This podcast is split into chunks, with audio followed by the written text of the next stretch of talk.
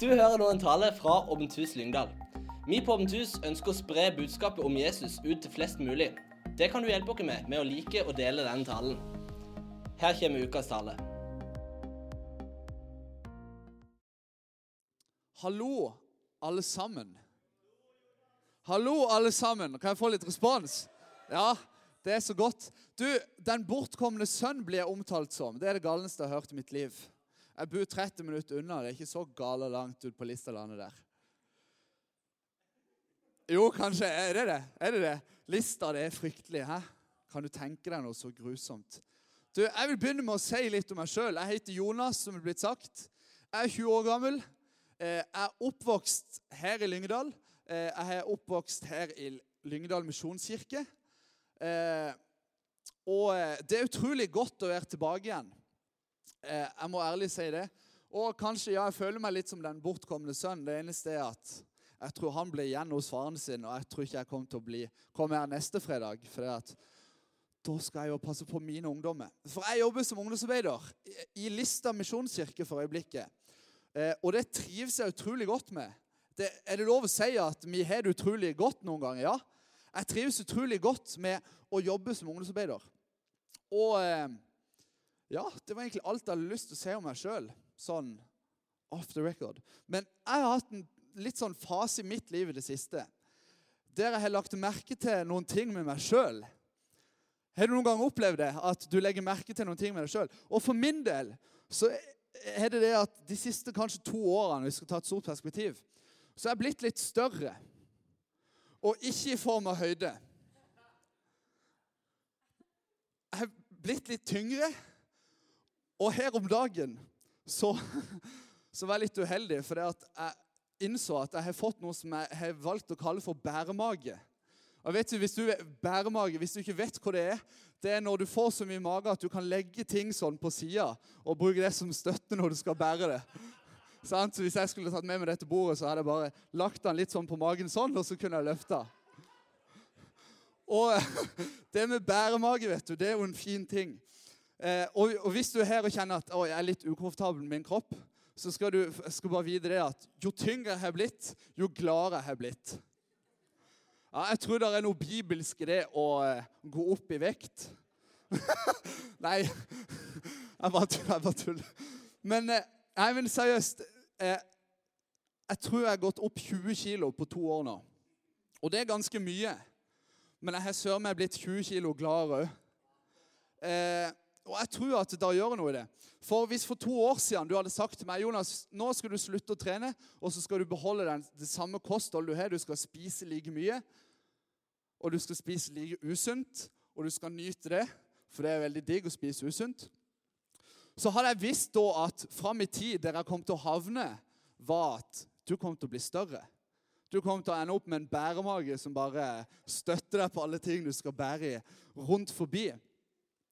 For tingen er den at når jeg veide mindre og var mindre, så hadde jeg en mer aktiv sånn form. Jeg skal ikke skryte at jeg trente mye, og bla bla bla, for jeg spiste usunt. Og jeg måtte trene for å ikke bare puff. Sant? Men hvor jeg var da, pekte en retning i livet. sant? Hvis du beholder denne, så kommer du til å ende opp sånn. Og jeg tror at noen ganger i våre liv så eh, vet vi hvor vi havner hen med måten vi lever på tidligere. Virker ikke denne driten her? Jo. Det er veldig bra. Så der var vi jo langt av gårde. Oi, oi, oi. Kjære vene.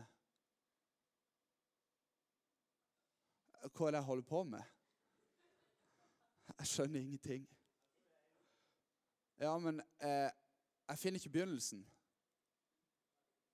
Jeg prøver å bla tilbake. Jo, se der! Det var begynnelsen. Herre fred. Hæ? Vet, ut på lista, Vi har ikke sånn fancy greier sånn som der. Da trykker de på datamaskinen. Og eh, dere ser kanskje her at dette bildet er ikke helt likt som det pleier å være. Jeg må bare poengtere det. Jeg vet, er det Rekk opp hånda hvis du ser hva som er annerledes på dette bildet. For det tingen er at Jeg photoshoppa inn meg sjøl på Hanna sin kropp. For jeg tenkte at i dag så skal du på en måte stå med litt selvtillit. Og da kan du i hvert fall se ut som jeg har en fin kropp her oppe på scenen. I hvert fall i sånn media skal ha det til at kroppen er fin. For jeg vil på mange måter se at min kropp òg han, han, han er god å se på. Men mitt ansikt er i hvert fall der. Og det var egentlig ikke noe med selvtillit å gjøre. Det var bare at jeg var litt sur på Markus. Fordi at Markus han jobber ikke bare her, men han jobber nasjonalt. Og det er han som lager denne. Og han hadde med så mye bra folk her. Og så tenkte jeg Hvorfor kommer vi på det sammen med de andre bra folkene? Så jeg photoshoppet meg sjøl inn som en av de gode, og jeg er veldig fornøyd med det valget. Eh, men eh, vi må litt tilbake igjen til den med For to år siden var jeg her, og jeg visste at hvis jeg gjør det samme, så havner jeg der. Sorry, det var en veldig brå overgang. Men vi gjør det i våre liv òg. Jeg vet at hvis jeg begynner å trene igjen, sant? og jeg begynner å spise sunt, så kommer ikke jeg til å bli boom, sånn sixpack. Men jeg vet at hvis jeg fortsetter med det i et år, så kan jeg være bedre trent enn det jeg var. For jeg vet at mine vaner og ting jeg gjør, og ting på en måte som jeg, jeg handler ut ifra, får konsekvenser for tida framover. Sånn som på, det sto på russekortet at eh, det du gjør i dag, er historien du forteller, blir hørt om deg i morgen. Og jeg ønsker å si det, at hvor du er på vei, er viktigere enn hvor du er nå. Hvor vi er på vei i våre liv, betyr mye mer enn hvor vi står nå. Og når jeg sier det, så mener jeg at hvor vi er nå, det kan være dårlig, det kan være fælt, men det kan være at vi er på vei til en god plass. At jeg har lagt på meg 20 kilo nå. Det kan godt være at det her er nå, men hvis jeg er på vei ned på 80 kilo og mer muskler, så det der er på vei, da er det viktigere enn at jeg veier 95 kilo nå og ikke mye muskler. Sant? Jeg Er med på den?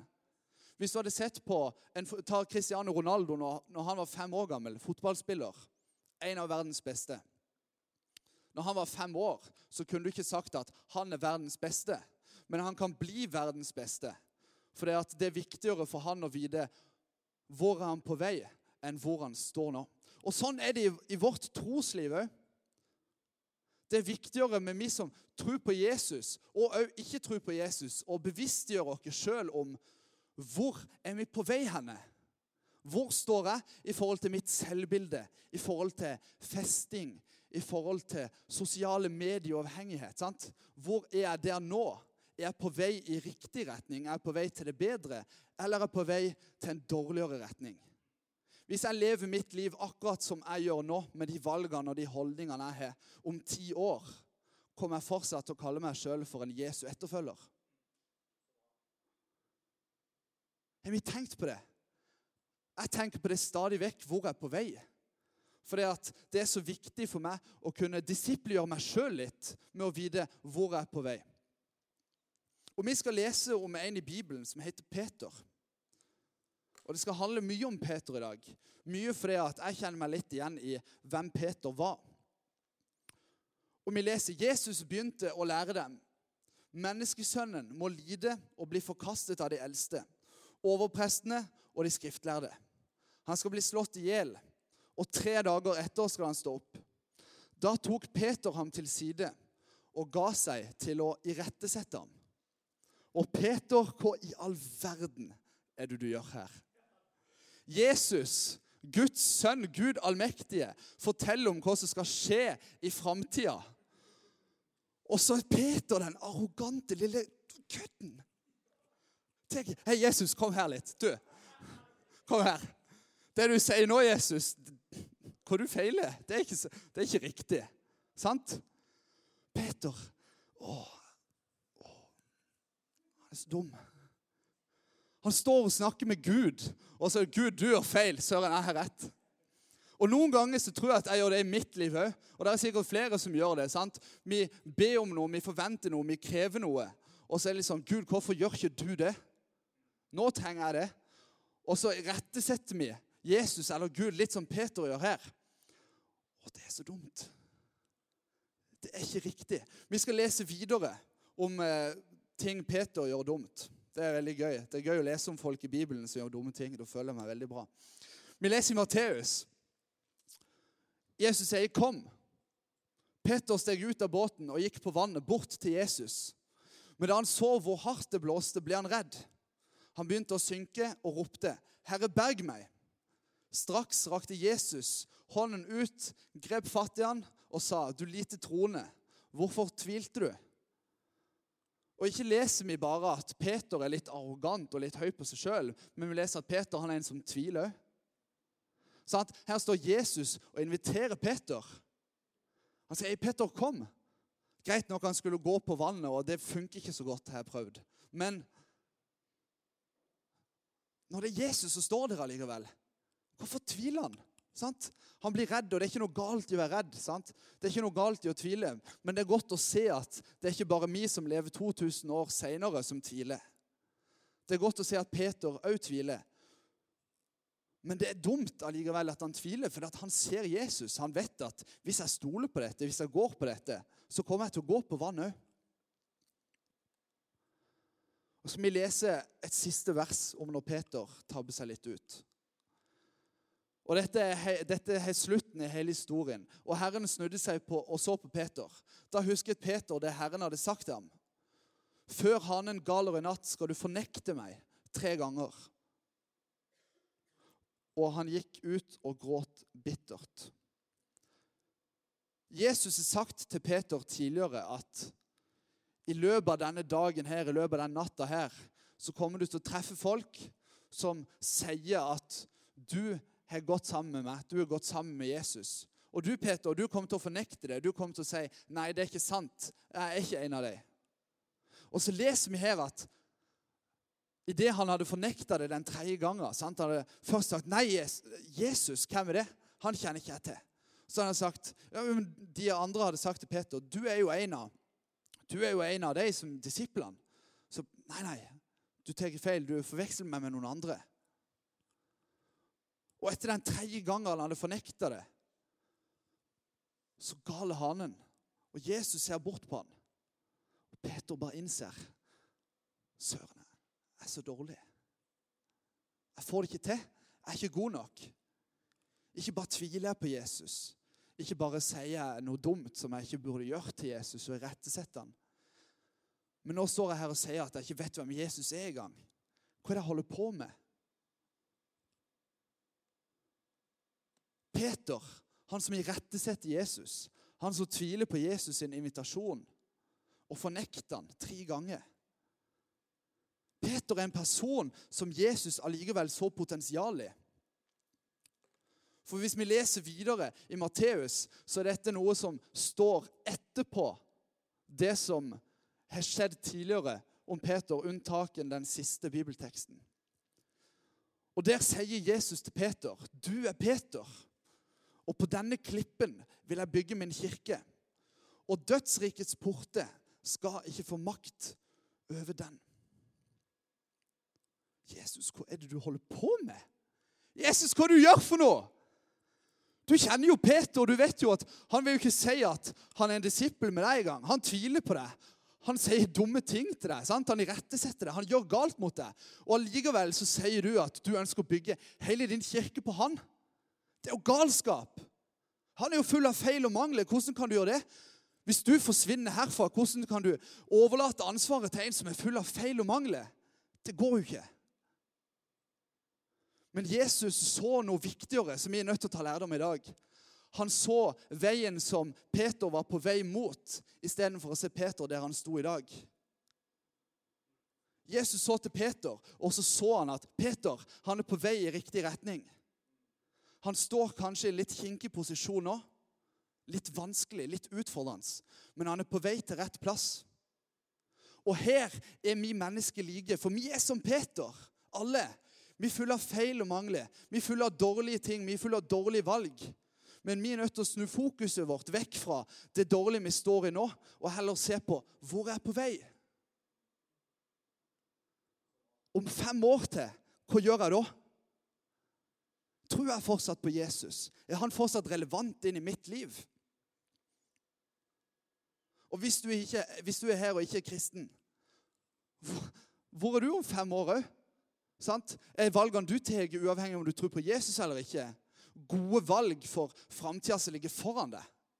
Er det valg som kommer til å være oppbyggelse for framtida di? Eller kommer det til å være destruktivt? Kommer det til å gå i samme bane? Kommer det til å snu rundt sin egen akse og bare være dårlig? Og jeg kjenner ikke alle her. Jeg kjenner noen. Men jeg vet at dette budskapet med Peter om at han er full av feil og mangler, så velger allikevel Jesus å sette sin tillit til han. Det er så relevant for hvordan vi lever i dag. For vi er omringa av så mange ting som ønsker å trykke oss ned. Kroppspress, dårlige venner. Jeg tror skole òg kan være en ting som noen ganger oppleves som bare det, det tyngende, det trykket, det er vanskelig sosiale medier, TV-serier. Alle disse tingene her er sånne ting som vi observerer, vi tar eksempler og tar lærdommer. Men jeg tror ingen av disse tingene her lærer oss hvordan vår framtid kommer til å bli. De lærer oss ikke hvor jeg er på vei. Og Hvis vi vokser opp som en generasjon med unge mennesker som faktisk tenker over litt sitt eget liv ok, Hvis jeg tar dette valget i kveld og gjør det neste helg og neste helg og neste helg hvor fører det meg på sikt? Det er så vanskelig. Og akkurat som med Peter så har jeg vært i en fase i mitt liv der jeg har vært helt avhengig av folk som har sett at Jonas han er potensialet. Han er ikke kanskje god i det hele tatt sånn som han er nå. Han er ikke flink nok, han er ikke sterk nok, men han kan bli det. Hvis han får hjelp, hvis han får veiledning, så kan han bli god nok. Vi er nødt til å styre Jonas inn på rett kjøl i livet. For jeg var på en periode i mitt liv når jeg var 16-17. Det er ikke så mange år siden, for jeg er bare 20. Men der, det var så mange ting i mitt liv som skjedde da, og så mye som storma rundt, at jeg hadde nødt til å velge vekk noe. Og alle disse andre tingene enn Jesus var så omfattende, var så mye, at Jesus og åpent hus og tjeneste det kom sist i rekka. Fordi at alle de andre tingene var forplikta til å gå på. Men oppi alt dette slitet, oppi alt dette som var vondt, der jeg velger vekk å gå på åpent hus, der jeg velger vekk og det å kanskje bekjenne meg som en kristen sjøl, så er det allikevel folk rundt meg, inkludert Markus, sammen med andre, som ser at Jonas han er et potensial. Hvis vi styrer pila hans til å peke i riktig retning framover i hans liv, så kan det gå godt. Så ser forbi alt det dårlige og de dårlige tingene som blir sagt og gjort her og nå. Og så heller fokusere på det som ligger foran. Og Hvis du er her i dag og kjenner at det er noen ting i mitt liv som er litt vondt, som er litt vanskelig, som jeg ikke helt tør å snakke med mamma og pappa om eller med vennene mine om, som jeg sliter med sjøl, jeg har vært der sjøl. Det er ikke enkelt. Men jeg ønsker å fortelle til deg her i kveld at hvor du er på vei, er faktisk viktigere enn hvor du står. Og med det så skal vi ta og lukke øynene, og så folder vi hendene. Kjære Jesus, takk for det at du bruker mennesker som er fulle av feil og mangler. Takk, Jesus, for det at du bruker Peter og vil bygge din kirke på han, Jesus, til tross for at han ikke strekker til. Men du så at Peter hadde potensial i Jesus. Takk for det. Og takk for det at du ser potensialet i oss her. Jeg synes jeg ber deg nå, spesielt for de som sitter her i salen i dag og kjenner på at det, ting er litt tøft, ting er litt vanskelig. Jeg vet ikke helt hvor livet er på vei hen framover. Jeg synes jeg ber deg for deg. Må du komme og gi dem en vei. Pek dem i riktig retning, Jesus, sånn at de kan fortsette å gå sammen med deg. Takk, Jesus, for det at det vi leser om, og den du sier du er sant, Jesus. Amen.